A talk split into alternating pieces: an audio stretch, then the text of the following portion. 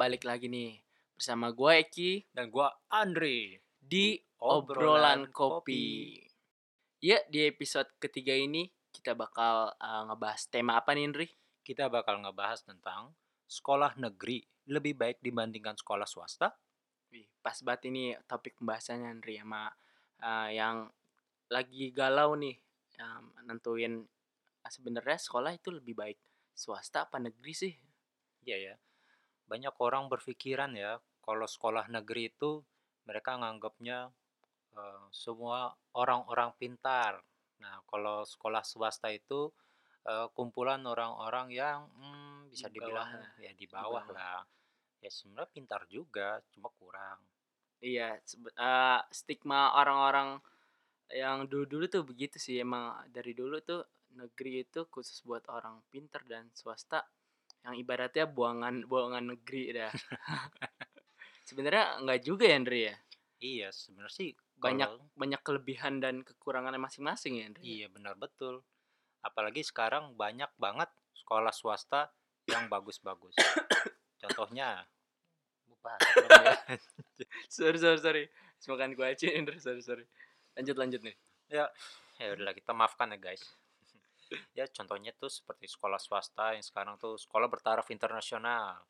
Eh, itu nggak kalah dibandingkan dengan sekolah negeri. Malah bisa dikatakan itu lebih unggul. Tahu gak Luki? Apa Wih. keunggulannya? Wah, eh, keunggulan biaya maksud lo? Apa apa? Keunggulan apa kalau kalau biaya sih ya relatif ya. Iya iya iya. Hmm, ya malah ada orang yang orang yang berekonominya itu serba pas lah.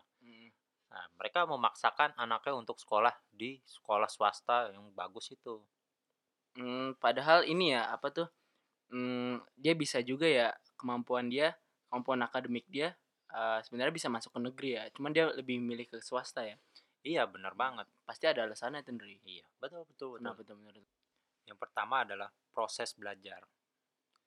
Jadi di sini di sekolah swasta yang ber- bagus lah istilahnya, sang murid ini nggak hanya menerima informasi yang satu sumber gitu, bukan dari hanya guru misal kasih informasi A, murid hanya dapat A gitu, bukan seperti itu. Tapi si murid ini bisa mendapat informasi A, B, C gitu, dan lebih banyak lagi. Itu yang maksud proses belajar. Oh, mungkin dari segi ini kayak Ndri ya, kayak fasilitas di dalam sekolah itu. Iya, jadi ya mereka itu bukan hanya belajar dari buku seperti itu, mereka jadi langsung belajar seperti istilah kita mempraktikkan lah. Gitu. Oh iya, iya itu dia sih yang yang biasanya tuh da- jad- jadi kendala di pendidikan di Indonesia itu kayak eh, ilmu yang udah lu terapin nih eh, nggak di nggak dipraktekin di dunia nyata Nah, paham iya. maksudnya jadi Mhm. kayak jadi kayak di Indonesia itu sistem, sistem pendidikannya cuman cuman buat murid itu menghafal doang cuman nggak ada nggak ada eh, penerapannya dalam kehidupan sehari-hari gitu Iya, kadang juga gue pernah tuh nanya ke guru, gue nanya-nanya, eh gurunya ngomelin gue. kenapa emang? Iya, gue nanya waktu itu tentang kenapa umat Nabi Musa membunuh dirinya sendiri. Eh, gue malah diomelin. Katanya, wah kamu gedenya jadi teroris kamu. Nanya Wah, gitu. itu mah lu salah nanya. Lu nanya ke guru ini lagi. Ke guru olahraga lagi. eh, lanjut lanjut lanjut lanjut. Eh, selanjutnya tuh ada ini sindri menurut gua kalau eh, biasanya kalau di negeri itu dia milih negeri karena eh, bakal ngejamin di kuliahnya nanti dapat negeri juga Ndri. Kok bisa gitu? Iya, soalnya soalnya tuh kalau di negeri itu pandangan dari si murid atau dari orang tua tuh kayak sistem pendidikannya kayak lebih lebih tinggi gitu dibandingkan swasta dari segi pengajarannya, dari eh, segi fasilitas segala macem. Jadinya jadinya lebih lebih mudah untuk akses ke PTN negeri. Padahal sih menurut gua eh enggak juga sih ya. Ma- maksudnya kalau misalkan di eh, baik itu negeri maupun sekolah swasta ya ya masing-masing ada peluang masing-masing kan ada Iya sih. peluangnya Iya. nah kalau misalkan di uh, swasta sendiri bisa juga masuk PTN asalkan ya ya anak ini kalau misalnya mau ada effort lebih buat uh, masuk PTN ya bisa jadi dia yang lebih keterima dibandingkan yang anak negeri ini. Iya, bener juga sih. Tapi kan kalau itu PTN, ah, maksudnya kalau itu sekolahnya itu sekolah favorit, Mm. kalau bagus. Kalau ini yang biasa-biasa aja, gimana dong? Ya bisa aja sih mereka itu belajar lagi gitu. Cuma kan kita harus lihat juga dari lingkungan sekolahnya, dari lingkungan teman-temannya. Bisa aja dia, dapat sekolah negeri, tapi teman-temannya ya semangat belajarnya itu kurang. Ya dia bisa tuh teman-teman tuh bisa jadi terpengaruh. Oh iya iya. Oh paham gue maksud lu. Jadi kayak kalau misalkan lu masuk sekolah favorit nih uh, dan itu negeri uh, di mana pas lu masuk situ lu ngelihat uh, ko, uh, kompetisi di sana itu sangat bersaing ketat banget lah kalau misalkan di favorit negeri itu. Jadi ibaratnya lu ke bawah juga lu kayak uh, semakin rajin dalam membaca, uh, semakin semakin giat dalam belajar di kelas jadinya jadinya uh, apa tuh kayak lingkungan itu kebawa sama diri lu sendiri gitu Iya. ngerti gak maksudnya? Ngerti ngerti. Nah kayak gitu ya maksud gua tuh. Nah tapi sekarang masalahnya kalau dia dapat sekolah yang biasa terus sekarang dia juga pikiran sekolah swasta tapi sekolah swasta yang kurang bagus. Nah itu di masalahnya seperti itu. Jadinya tuh kalian mau sekolah di yang negeri yang ataupun swasta tapi kita harus lihat lagi kalau sekolah itu berkualitas gitu. Nah itu bisa menjamin masa depan kita Hmm, gitu jadi, Ki. jadi ibaratnya nggak nggak harus negeri nggak harus swasta gitu ya dia nggak harus dikotak-kotakin ya Iya, benar banget. Nah, tapi ingat lagi Ki, sebenarnya tuh eh, sekolah itu hanya sebuah wadah sih. iya Kalau bener gua- bener bener banget itu Hmm, gue sih lebih ke ini Re lebih ke lingkungan sih lingkungan itu Lingkungan. mempengaruhi segalanya dari lo pola pikir lo dari dari ilmu yang lo terapin di kehidupan nyata gimana apa yang lo dapet di sekolah ini ibaratnya berguna lah pas lo uh, selesai dari sekolah itu gitu sih inti dari pendidikan itu sebenarnya itu Nah, itu yang bagus kayak gitu. Nah, cuma masalahnya kalau di sekolah yang biasa nih, biasanya guru-guru ya, bukan salah guru sih ya, hmm, lingkungan atau teman-temannya, ya tak siapa jadinya. ya. Jadi mereka tuh kayak kurang berkembang gitu, ilmunya gitu-gitu aja. Jadi cuma dari buku aja tok gitu. oh mungkin ini kali ya kayak sistem pendidikannya kali ya dari yang dulu tuh nggak pernah berubah gitu Andre Hmm, kayak ya cuman iya kayak cuman ibaratnya kayak ngafal doang gitu ngafal doang. Ya bener sih, kita emang suruh ngafal. Ya cuma di situlah letak kelemahannya. Kita jadi kurang kreatif. iya kurang kreatif benar benar benar banget kayak nggak ada nggak ada apa ya nggak ada sesuatu yang pengen kita ciptain ke depan nih kita pengen bikin apa nih ya kan ibaratnya Iya bener. kayak kayak lu nggak ada nggak ada tempat wadah untuk berkarya gitu Iya. di dalam suatu pendidikan padahal kan ini kan eh, ibaratnya Hmm. dunia udah digital ya Iya.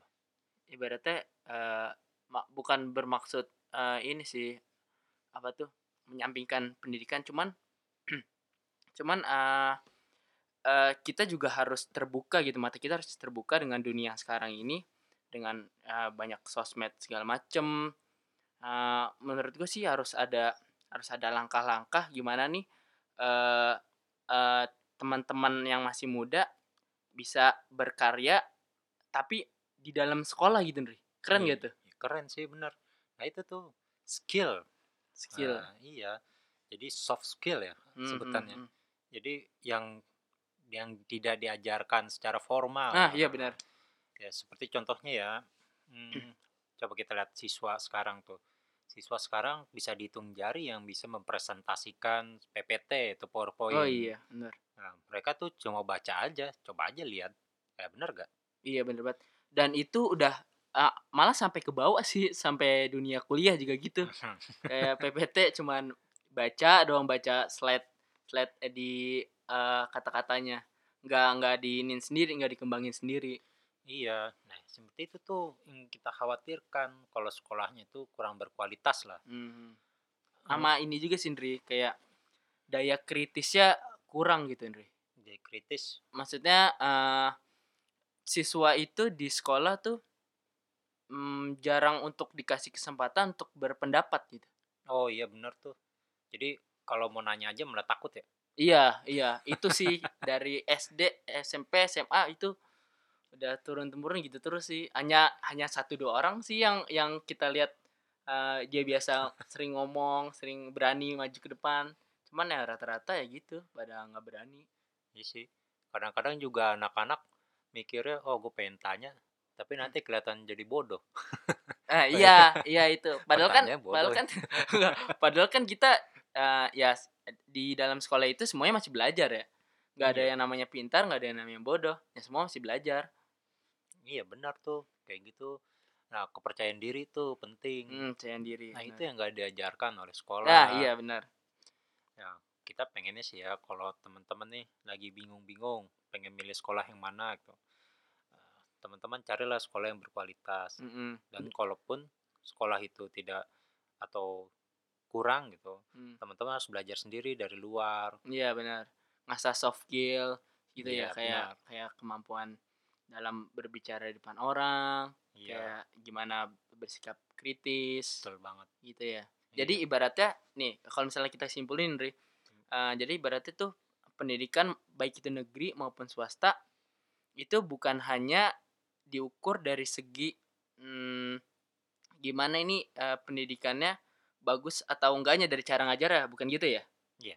Tapi lebih kepada nggak lebih kepada sih mak- maksudnya eh, eh, berkaitan juga, juga dengan ini apa tuh kayak gimana eh, sekolah ini bisa menambah kepercayaan diri dari eh, siswa-siswanya terus gimana eh, sekolah ini bisa eh, mengembangkan eh, kemampuan-kemampuan siswanya yang eh, yang berkarya gitu kan benar banget itu dan juga nggak pala yang paling penting ya tadi itu pelajaran formalnya dan kita suka mikir kan sebenarnya kenapa gue harus belajar matematika harus belajar fisika Iya. gitu. ya sebenarnya sebenarnya yang kita pelajarin di SMA atau SMP itu ya itu sebenarnya ilmu dasar sih Mm-mm. ya kita harus emang biasa harus biasa kuasain itu semua dan bisa gitu Iya benar. Dan dan menurut gue juga kalau misalkan eh, banyak sih yang nanya nanya kalau misalkan ini gimana matematik perasaan hmm, gunanya apa sih di di kehidupan nyata atau pelajaran-pelajaran lain gitu. Menurut gue sih eh, kayak pelajaran gitu sebenarnya sih ya ya emang sih kayak aljabar terus segala macem eh, kayak Pitagoras lah segala macem ya itu emang nggak ada sih di dunia nyata. Cuman menurut gue itu ngelatih ngelatih lu untuk berpikir ya kan? Betul banget. Nah gitu deh. Dan berpikir kritis juga. Mantap ya mungkin itu aja kali ya Andri ya yang bisa kita share sama sobat kopi semua nih di sini. Yoi sobat kopi. Yaudah ya itu aja nih eh, episode ketiga kita. Eh, yang yang semoga eh, kalian semua yang dengar ini bisa bisa kebuka pikirannya eh, yang masih mau milih sekolah di negeri atau swasta. Dan buat yang kakak-kakaknya bisa membimbing Iya, adik-adiknya benar. ataupun bisa memberi masukan kepada orang tuanya. Iya. Bahwa sekarang tuh yang dibutuhkan bukan hanya tentang pembelajaran formal tapi adalah tentang soft skill cakep supaya di dunia kerja nggak kaget ya mantap Yoi. Udah gitu aja sekian. Ya, sampai jumpa di episode selanjutnya.